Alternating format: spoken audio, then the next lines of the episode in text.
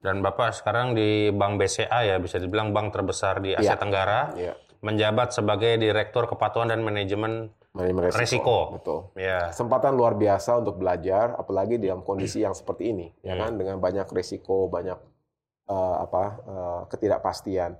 Memang kalau Abi lihat background saya, saya nggak pernah dari dulu tuh berambisi menjadi seorang bankir. Iya. Saya adalah seorang saintis, ya kan? Nah, ini menarik. Jadi seorang profesor Hmm. yang pengennya jadi profesor, cita-cita dari SD SMP itu pengen jadi profesor, eh, mendadak bisa berganti haluan ke bidang eh, keuangan, ya. ya, dan menjadi eh, eh, bankir senior gitu. Jadi Hmm. ini sesuatu yang nggak pernah dalam benak saya sama sekali. Hmm. Jadi agak aneh gitu kan, ini orang yang nggak pernah ekonomi aja ngambil ekonomi makro, ekonomi mikro itu doang. Waktu waktu saya tingkat dua apa tingkat tiga tuh ngambilnya tuh. Jadi itu doang nggak ngerti awal-awalnya. Tapi sekarang saya bisa ngomong mengenai ekonomi gitu. Kalau dulu tuh kagak ngerti apa-apa gitu. Ya. Tapi moral of the story, jadi kesimpulannya apa Pak? Dari yang diambil dari kisah Ya, perjalanan gini. hidup Pak Jadi, ini? Se- Sebenarnya ya teman-teman semua juga mungkin tahu ya bahwa dalam eh, kehidupan kita itu jarang sekali apa yang kita pelajari di bangku kuliah itu akan terpakai 100%, jangankan 100%, 50% aja juga mungkin nggak terpakai di di tempat kerja. Ini yang ngomong yang udah orang PhD loh. Jadi jadi nggak kepake, banyak yang nggak kepake. Serius nih Pak? Betul. Wow. Tapi kecuali you masuk ke kedokteran ya, kalau di kedokteran atau Iya. di hukum itu pasti kepake. Itu praktek banget Ya, soalnya. praktek Iya. banget. Tapi kalau bukan di bidang itu, eh, kebanyakan nggak relevan. Jadi memang kita harus siap untuk bisa masuk ke bidang-bidang lain yang mungkin kita nggak pernah belajar sebelumnya. Ya, menurut saya sekali lagi, kalau eh, teman-teman perlu pikirkan baik-baik adalah em, kalau kecil kita selalu diingatkan oleh orang tua nilai sebagus bagus harus bagus sekali ya. Belajar harus sekuat sekuat kuatnya lah pokoknya. Yang penting nilaimu harus tinggi tinggi tingginya Hmm. karena mau berhasil itu tergantung dari nilai. Ternyata enggak. Orang berhasil dalam hidup itu bukan dari nilai bukan juga dari lulusan dari mana gitu. Orang mau berhasil bukan hanya tergantung dari nilai. Nilai, bukan ini yang nilai. ngomong ini orang yang udah nilainya PhD, bagus yang nilainya bagus, A terus, jadi saya Dan- kredibel nih kalau ngomong gini saya kredibel banget dan makna laude. Dan Iya. ini ngomong nilai itu itu nggak relevan bukan segalanya. Nggak segalanya. Dan sekolah juga bukan segalanya. Ini datang dari orang yang lulusan dari MIT. Nah ya itu, kan? jadi jadi eh, agak mind blowing juga. agak mind blowing gitu, agak beda, agak kontroversial gitu kan. Iya, oke. Tapi it is what it is. Jadi kalau menurut saya setelah saya dalemin pikiran gitu kan, mendalami mengenai eh, kisah hidup saya gitu, yang paling penting itu sebenarnya number one itu adalah curiosity. Saya catat Pak ya. Ya, curiosity atau rasa ingin tahu.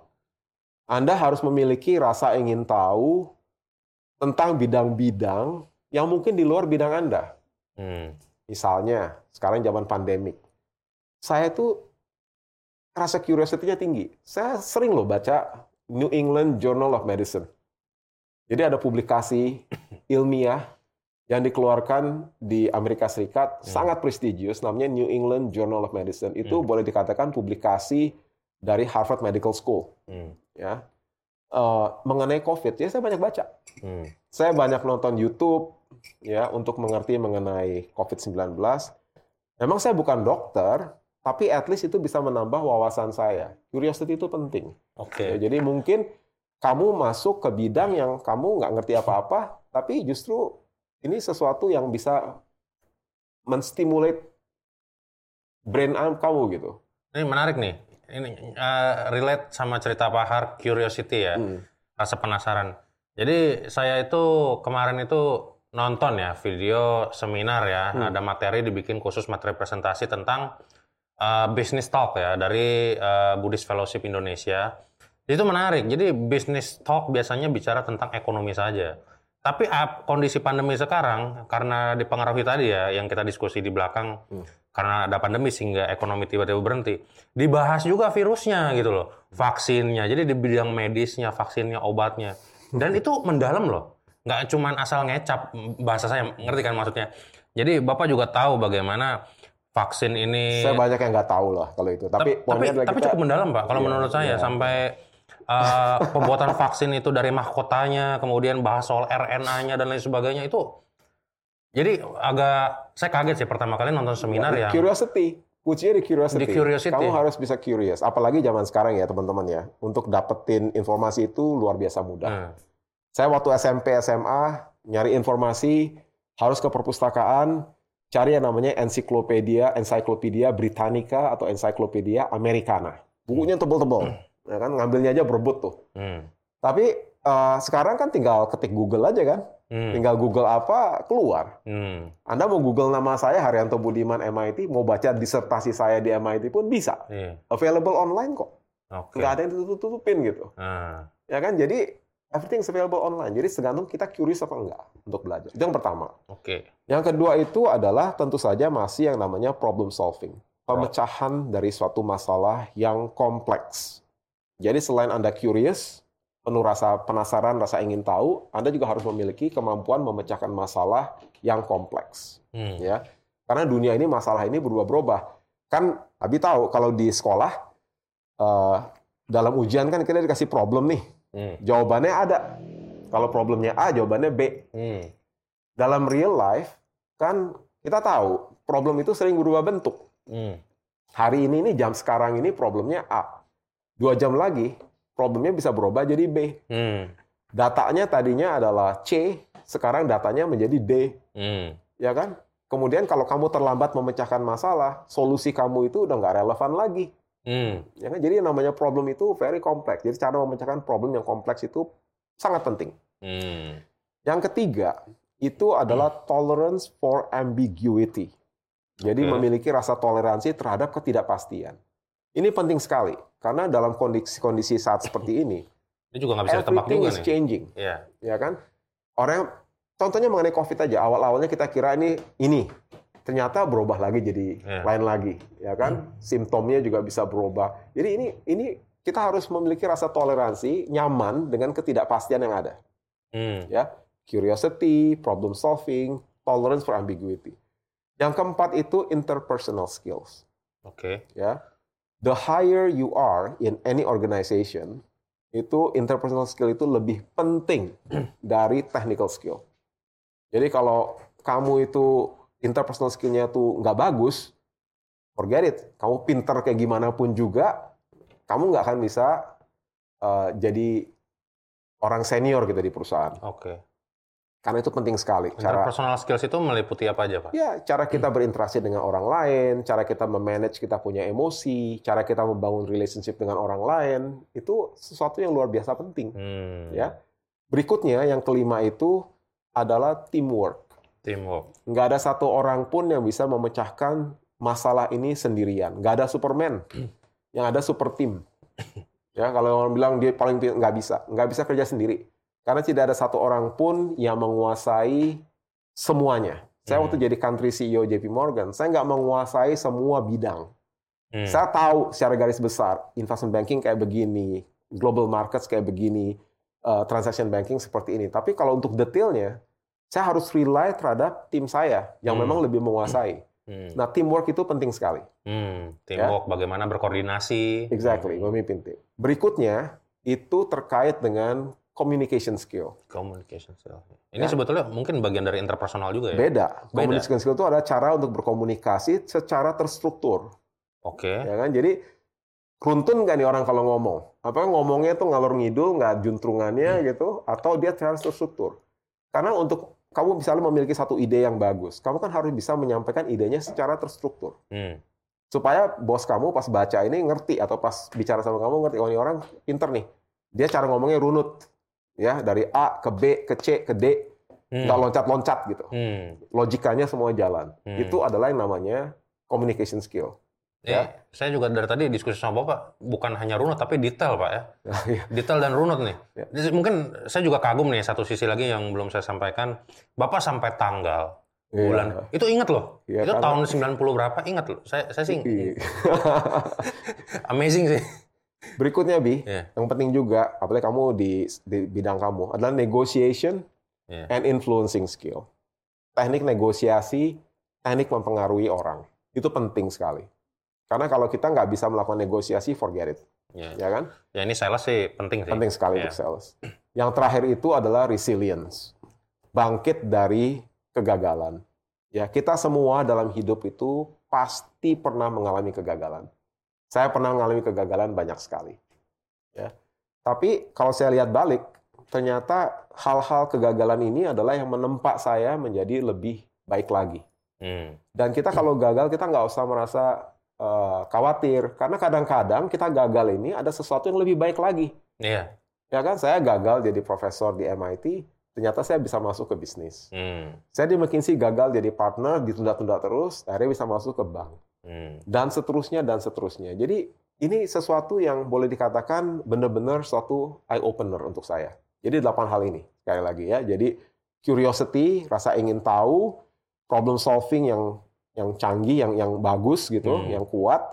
Yang ketiga tolerance for ambiguity, interpersonal skill, kemudian communication skill, teamwork, negotiation, influencing skill. Yang terakhir adalah resilience. Itu Oke. adalah sesuatu yang teman-teman harus harus camkan. Nggak berarti bahwa yang paling pinter akan menguasai 88-nya. Justru yang paling pinter itu kebanyakan nggak menguasai interpersonal skill, nggak menguasai negotiation, kalau problem solvingnya kuat gitu. Tapi hal-hal kayak gini justru kadang-kadang lebih penting. Nah, ini menarik nih, karena Bapak kan dari background orang yang sangat pintar sebetulnya secara akademik kan. Bisa mendapat eh, rumusan ya, rumusan eh, yang diperlukan oleh kita agar bisa tumbuh dan berkembang secara baik itu. Tadi 8 poin itu, Bapak dapat dari mana Nah, gitu? itu pengalaman aja, saya rangkum sendiri kalau gitu. Itu pengalaman hidup aja ya. Ya, saya rangkum sendiri. Karena saya juga banyak melihat ya, apa eh, nggak semua orang yang lulusan dari sekolah universitas terbaik itu berhasil. Nggak semua. Ya. Ada orang-orang yang berbeda kan dia mungkin lulusannya dari sekolah yang sama, tapi yang satu berhasil, yang satu kok kurang berhasil. Hmm. Apa sebenarnya differentiating factor-nya gitu. Itu Ya. dari pengalamannya saya ngelihat, oh saya jadi men- mengambil satu konklusi dan selalu selalu saya ajarin ke anak-anak saya. Jadi saya bilang ke anak saya bahwa listen ya, kamu mesti tahu eh, nilai itu tidak the not the main determining factor. Jadi kalau kamu nilainya bagus lulusan sekolah top, itu ibaratnya nih kamu kalau masuk kan kamu tahu kalau periksa security screening di Amerika itu ada jalur untuk bisnis kelas, ada jalur untuk ekonomi kelas. Hmm. Kalau bisnis kelas kita dikasih kartu khusus. Hmm. Jadi antriannya lebih pendek. Hmm. Hmm. Ya, cuman sebentar udah langsung security screeningnya beres. Hmm. Kalau ekonomi kan nguler tuh antriannya, Hmm. ya kan? Tapi begitu kita lewat security screening, sama aja kita dengan orang-orang yang dari ekonomi kelas. Sama aja. Hmm. Jadi ini juga sama. Jadi kalau kamu memiliki nilai bagus, lulusan sekolah top, kemungkinan kamu dapat kerjaan dari perusahaan besar itu lebih gampang. Hmm. Tapi once you are inside, udah nggak relevan lagi GPA kamu berapa, Hmm. nggak relevan lagi kamu lulusan sekolah universitas mana. Itu semua tuh sama, Yes. ya kan? Bahkan kalau ada orang yang lulusan dari sekolah yang tidak berapa bagus atau yang nilai awalnya juga nggak berapa bagus, tapi di situ dia shining gitu, bagus banget. Dia bisa-bisa yang lebih cepat naik pangkat dibandingin kamu. Iya. Ya, ya. Jadi sekali lagi nggak usah, makanya kita harus tetap memiliki yang namanya humility ya, maksudnya eh, rendah hati gitu. Jangan mentang-mentang seseorang ini lulusan sekolah terbaik, kerja di tempat terbaik, menjadi sombong. Itu kita nggak boleh. Ya. Siap. Itu humility itu sesuatu yang penting dan saya selalu ingat itu eh, nggak usahlah kita bangga banggain diri atau apa, nganggap orang lain lebih bodoh dari kita. Karena dunia ini we don't know gitu. Rahasia dunia itu seperti apa Iya. ya kan? Jadi um, menurut saya sih humility is very important. Jadi kita harus memiliki humility, nggak boleh sombong, nggak boleh sengak, nggak boleh menjelek-jelekan orang. Uh, lakukan yang terbaik aja gitu. Hmm. Do the best. Do the best. Pada akhirnya kita cukup do the best saja. Iya.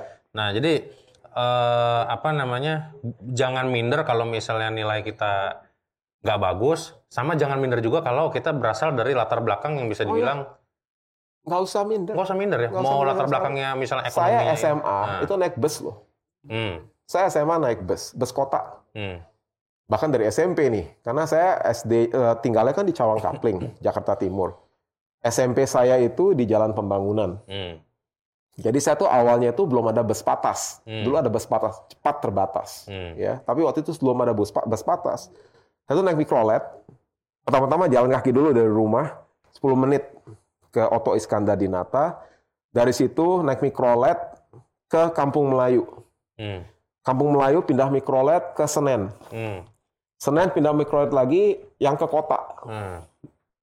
Berapa kali ganti itu, ya kan? Beruntung tahun berikutnya ada bus patas, Cililitan Kota. Yang patas tuh yang warna hijau itu bukan, Pak? Wah, enggak, enggak. Dulu kamu belum lahir kali waktu saat ada bis patas gitu.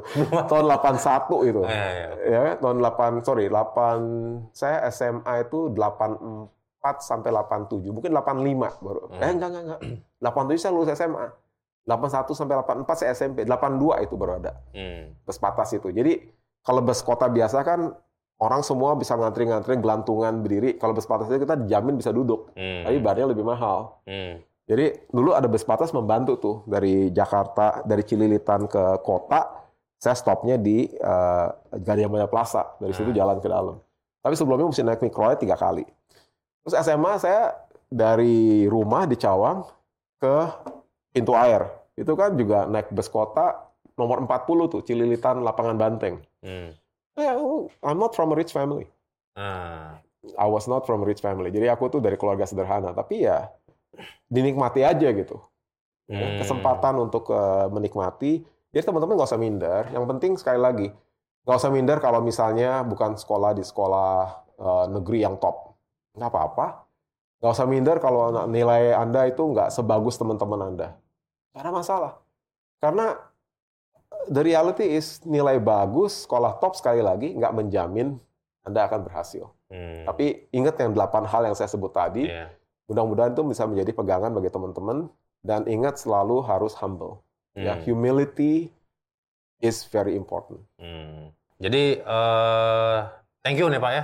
Ya. Sudah sharing panjang lebar tentang panjang hidupnya. Eh sangat runut dan sangat detail juga dan eh, banyak sekali nilai yang bisa kita ambil ya dari perjalanan hidup Pahar. Jadi kita nih eh, walaupun merasa kecil kadang ya eh apa ya merasa kecil jangan pernah gitu loh walaupun kita berasal dari latar belakang yang mungkin ekonominya nggak sebagus dengan yang ada di sekitar kita kemudian kita kalah nilai segala macam jangan minder gitu loh justru kita harus menjadikan itu sebagai motivasi untuk bisa melakukan yang lebih baik begitu Jangan minder dan jangan iri hati. Ya, karena sumber dari semua malapetaka itu adalah kalau kita merasa iri hati dengan orang lain, Hmm, ya kan? Orang mencuri karena dia iri hati, hmm, ya kan? Dia udah memiliki A, pengen lebih gede lagi, akhirnya melakukan hal-hal yang tidak terpuji, misalnya mencuri, misalnya korupsi, Korupsi, dan ya. lain sebagainya. Hmm. Itu sumber dari segala malapetaka adalah kita selalu merasa ya nggak pernah puas, hmm. ya kan? Itu kita harus hindari juga. Hmm, oke. Nah, ini jadi jangan pernah terikat dengan yang namanya nilai ya, walaupun kita juga bukan berarti belajar asal-asalan ya. Tapi jangan merasa kecewa kalau misalnya kita nilai kita jelek, kemudian eh dari segi finansial kita juga kalah. Ya jangan merasa minder lah intinya. Ini yang ngomong itu bahwa nilai itu bukan segalanya itu adalah orang yang sudah eh dapat PhD di MIT kampus nomor satu di dunia ya bidang sains dan sekarang juga menjabat sebagai pernah jadi CEO, pernah jadi director dan lain sebagainya. Jadi semoga ini bisa memotivasi teman-teman ya. Jadi semua itu punya peluang yang sama untuk mencapai impiannya. Betul, jangan minder. Hmm. Ya, jangan merasa kita kalah sama orang lain, kita langsung merasa rendah, rendah diri. Itu hindari. Ya, Eh, contohnya aja ya, saya di Amerika, saya nggak pernah merasa canggung atau minder kalau saya debat sama bule. Oh, Nggak takut saya, ya kan? Bule lulusan mana? Saya lulusan mana? Gitu. Saya kan smarter than the bule gitu. saya berani debat dengan bule siapa pun. Saya nggak takut waktu di kuliah di Amerika pun gitu. hmm. ya kan karena memang kita nggak usah merasa minder kita orang Indonesia ini sebenarnya tangguh ya kita Hmm. tunjukkan kita memiliki kemampuan dan eh, kita nggak kalah nggak kalah sama orang Singapura nggak kalah sama orang Malaysia nggak kalah sama orang Amerika nggak kalah sama orang Australia Uh, we can do it Hmm. ya ini teman-teman mesti memiliki ke- kepercayaan diri dan mudah-mudahan ini eh, kita semua bisa jadi lebih baik lagi ke depannya. ya. Siap, Pak Har. Luar biasa closingnya. Eh, semoga Pak Har sukses selalu. thank you makasih Tos, Pak. all the best Yo. Oke, thank you, Pak terima kasih Ya.